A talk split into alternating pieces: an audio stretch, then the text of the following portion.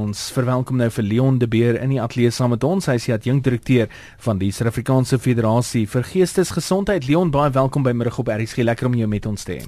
Dankie, staats met te wees. Ek dink kom ons begin eers met die eerste vraag. Vertel ons van die Suid-Afrikaanse Federasie vir Geestesgesondheid. Wat is julle werksaamhede?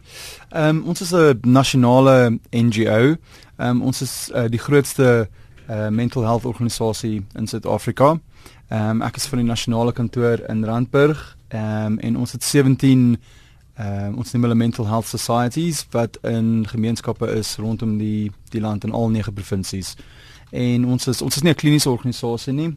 Ehm um, ons is uh jy weet ons ons kyk na menseregte ehm um, navorsing uh, bewustheidsmaking daai tipe van goeters. En maar ons mental health societies in die gemeenskappe, hulle hulle ehm um, voorsien dienste aan mense met geestes ehm um, met, met met gestremdhede en hulle het uh, residensiële fasiliteite en daardie bevoorraders. Leon, hoe belangrik sou jy sê is dit om 'n persoon met 'n uh, geestesgesondheidsprobleme te verstaan? Wel, ek dink dit is baie belangrik. Ja. Ek ehm um, weet uh soos ek gesê het, ons is ons is 'n menseregte organisasie. So vir ons is dit baie belangrik dat mense se regte gerespekteer word en dat mense ehm um, die geleenthede gegee word wat wat wat hulle verdien. So dit is baie belangrik om mense te verstaan. In terme van die sorg van 'n persoon uh, wat 'n geestesgestremdheid het, um, ek verstaan daar is riglyne wat hierdie departement deurgegee word oor hoe dan vir hierdie persone gesorg moet word. Maar verskaf julle dan 'n oorsigtelike rol in terme van die riglyne wat gegee word? Ja, ons ons dis vir ons baie belangrik dat die organisasies wat um, in in in jy weet uh, wat op community level um, hierdie hierdie hierdie dienste lewer dat dit gedoen word uh, weet dat dit hoë kwaliteit dienste is en dat hulle gelisensieer is um, met die met die departement van gesondheid of um, social development. En ja so dis dis dis belangrik dat die dat die dat, dat die dienste hoë kwaliteit is en ehm um, ja sodat mense weer eens sodat mense 'n uh, hoë kwaliteit van lewe kan hê dat hulle menseregte beskerm kan word Ehm um, ja, so ons ons speel ehm um, 'n uh, 'n uh, monitering rol um, om seker te probeer maak dat dienste van 'n hoë kwaliteit is um, deur ons netwerk van organisasies hmm. in Suid-Afrika.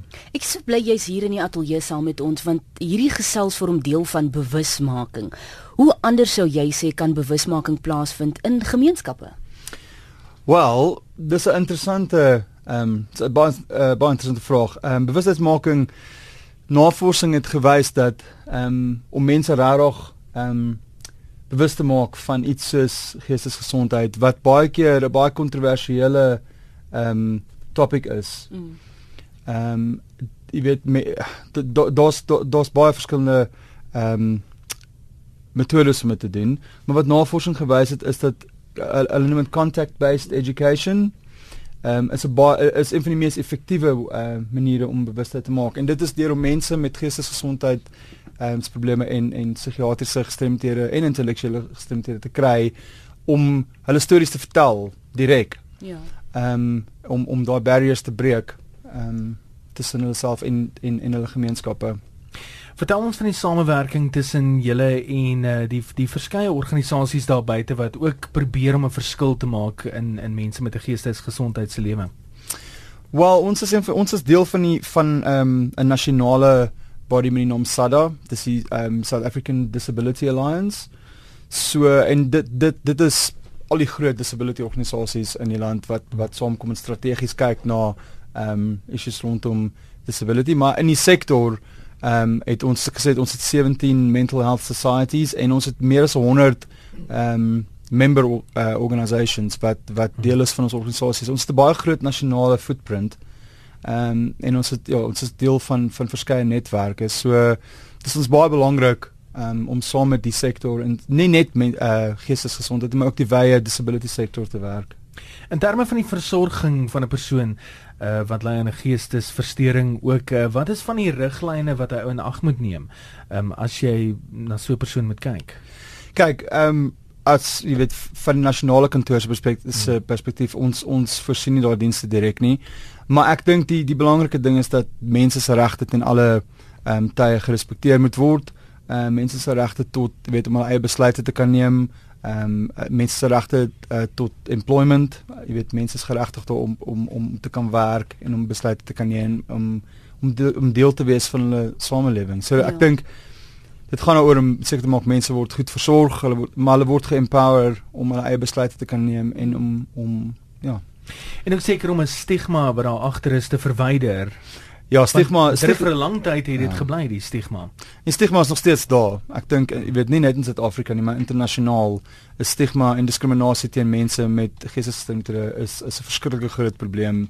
En dis iets waaraan, jy weet, ons baie veral ons van 'n van nasionale perspektief uh, perspektief deur bewustheidmaking en en navorsing na tipe van goeders probeer ons 'n verskil maak. Ehm um, ja. Leon ek sien nou hier's heelwat luisteraars wat vrae het.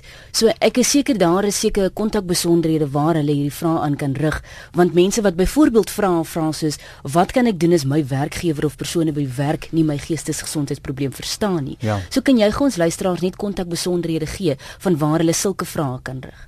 Sekerlik, hulle kan ons ehm um, hulle kan ons kontak by die nasionale kantoor 011 781 1852 of deur ons ehm um, webwerf ehm um, www.safmh.org.za ehm um, daar sou is 'n 'n funksie op die webwerf waar die mense ons kan kontak. Ehm um, en spesifiek as mense vra het oor hulle regte, soos byvoorbeeld die ja. die die voorbeeld wat jy nou gegee het, sal ons hulle regtig um encourage om om kontak te maak met ons.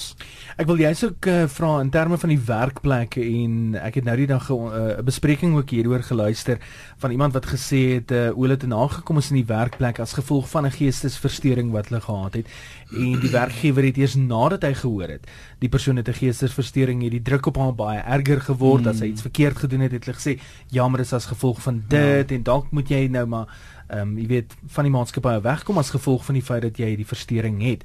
Ehm um, julle as eh, 'n uh, menseregte organisasie ook uh, hoe groot is die werksplek probleem?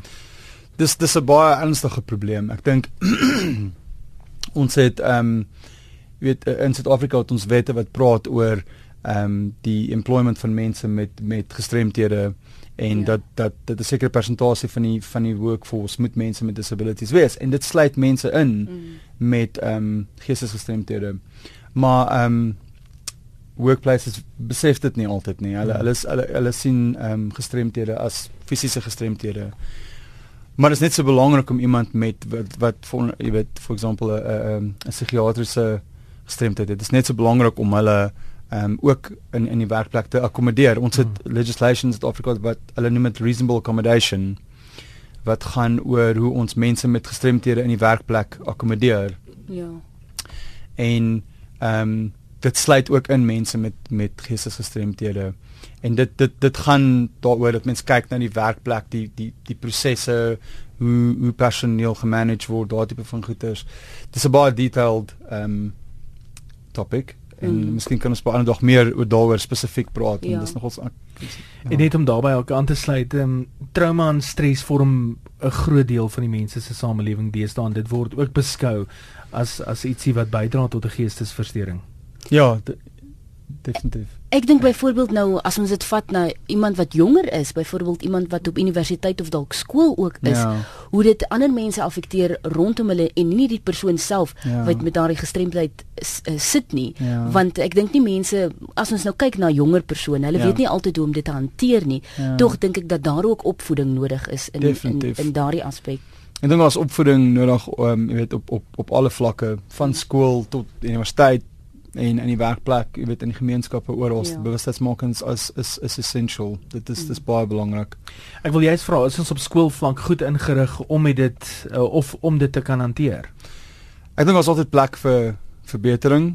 Ehm um, ek dink daar's altyd daar's altyd meer wat gedoen kan word. Ja, ja. Ehm um, en as jy kyk na weet die die die mees onlangste navorsing wat sê het sê dat 1 in 4 Suid-Afrikaners sal op een of ander ehm um, stadium in hulle lewens 'n uh, geestes 'n mental illness hê. Ja. So 25% van die populasie, dis wat baie hoog is, maar doen ons genoeg om om dit te bekamp en om mense te support? Nee. Mm. Ek dink daar kan altyd meer gedoen word. Julle verskaf ook lidmaatskap aan mense wat werk in die bedryf. Vertel ons daarvan. Ehm um, so gesê het ons het ja, ons het ehm um, organisasies in in die in individue kan ehm um, membership ehm um, van jy weet hulle kan deel word van die federasie. En ja, dan dit dit dit maak my net seker dat ons ons footprint nasionaal word groter en daai mense ehm um, jy weet hulle word deel van ons van ons ehm um, service delivery network. Ja. Verskoon my Engels. Nee, dis Toe my terminologie is altyd in Engels so ons verstaan. O, ons program fokus ook nogal baie op tegnologie en jy het 'n toepassing beskikbaar. Vertel ons van julle toepassing. Wat hy ek sien hy is op die App Store en uh, hy is op Google en Sorry. dis meer die Ekskuus, ek ja. Uh, die app. Okay. Ehm um, ja, ons is uh, hy's nog nie hy's nog nie heeltemal klaar nie. Ons is besig om hom ehm um, ons is besig om om net die die die finale touches op hom te sit. ja. Ehm um, maar weer eens dit is dis baie uh, dis baie ehm um, geaim op human rights. Menseregte aan die een kant en dis ook 'n informasie ehm um, library aan die ander kant om mense met inligting te kan voorsien oor allerlei goeters te doen met mental health en human rights en nooit Ja. van goed. En ek voorsien jou van die nodige kontakbesonderhede want daar's boodskappe wat nou instroom op ons SMS-lyn. So gryp gou pen en papier terwyl ons vir Leon net bedank en groet. Ek gaan vir jou die kontakbesonderhede gee waarop jy hulle kan skakel as ook hulle webtuiste wat jy kan besoek waar jy dan ook via 'n e-pos eh, met hulle kan kommunikeer. Leon, baie dankie vir hierdie gesels. Ek is seker ons kan nog vir ure lank oor hierdie gesels en ehm um, daar's so baie dinge wat mense eintlik kan aanraak, maar dankie vir jou tyd en dat jy ingekom het in die ateljee om met ons te gesels. Die adjunkdirekteur van eh, die SA Federasie vir Geestesgesondheid, Leon de Beer, dankie. Baie dankie. Hulle nommer is 011 7811852 en dan besoek gerus hul webtuiste en dit is www.safmh.org.za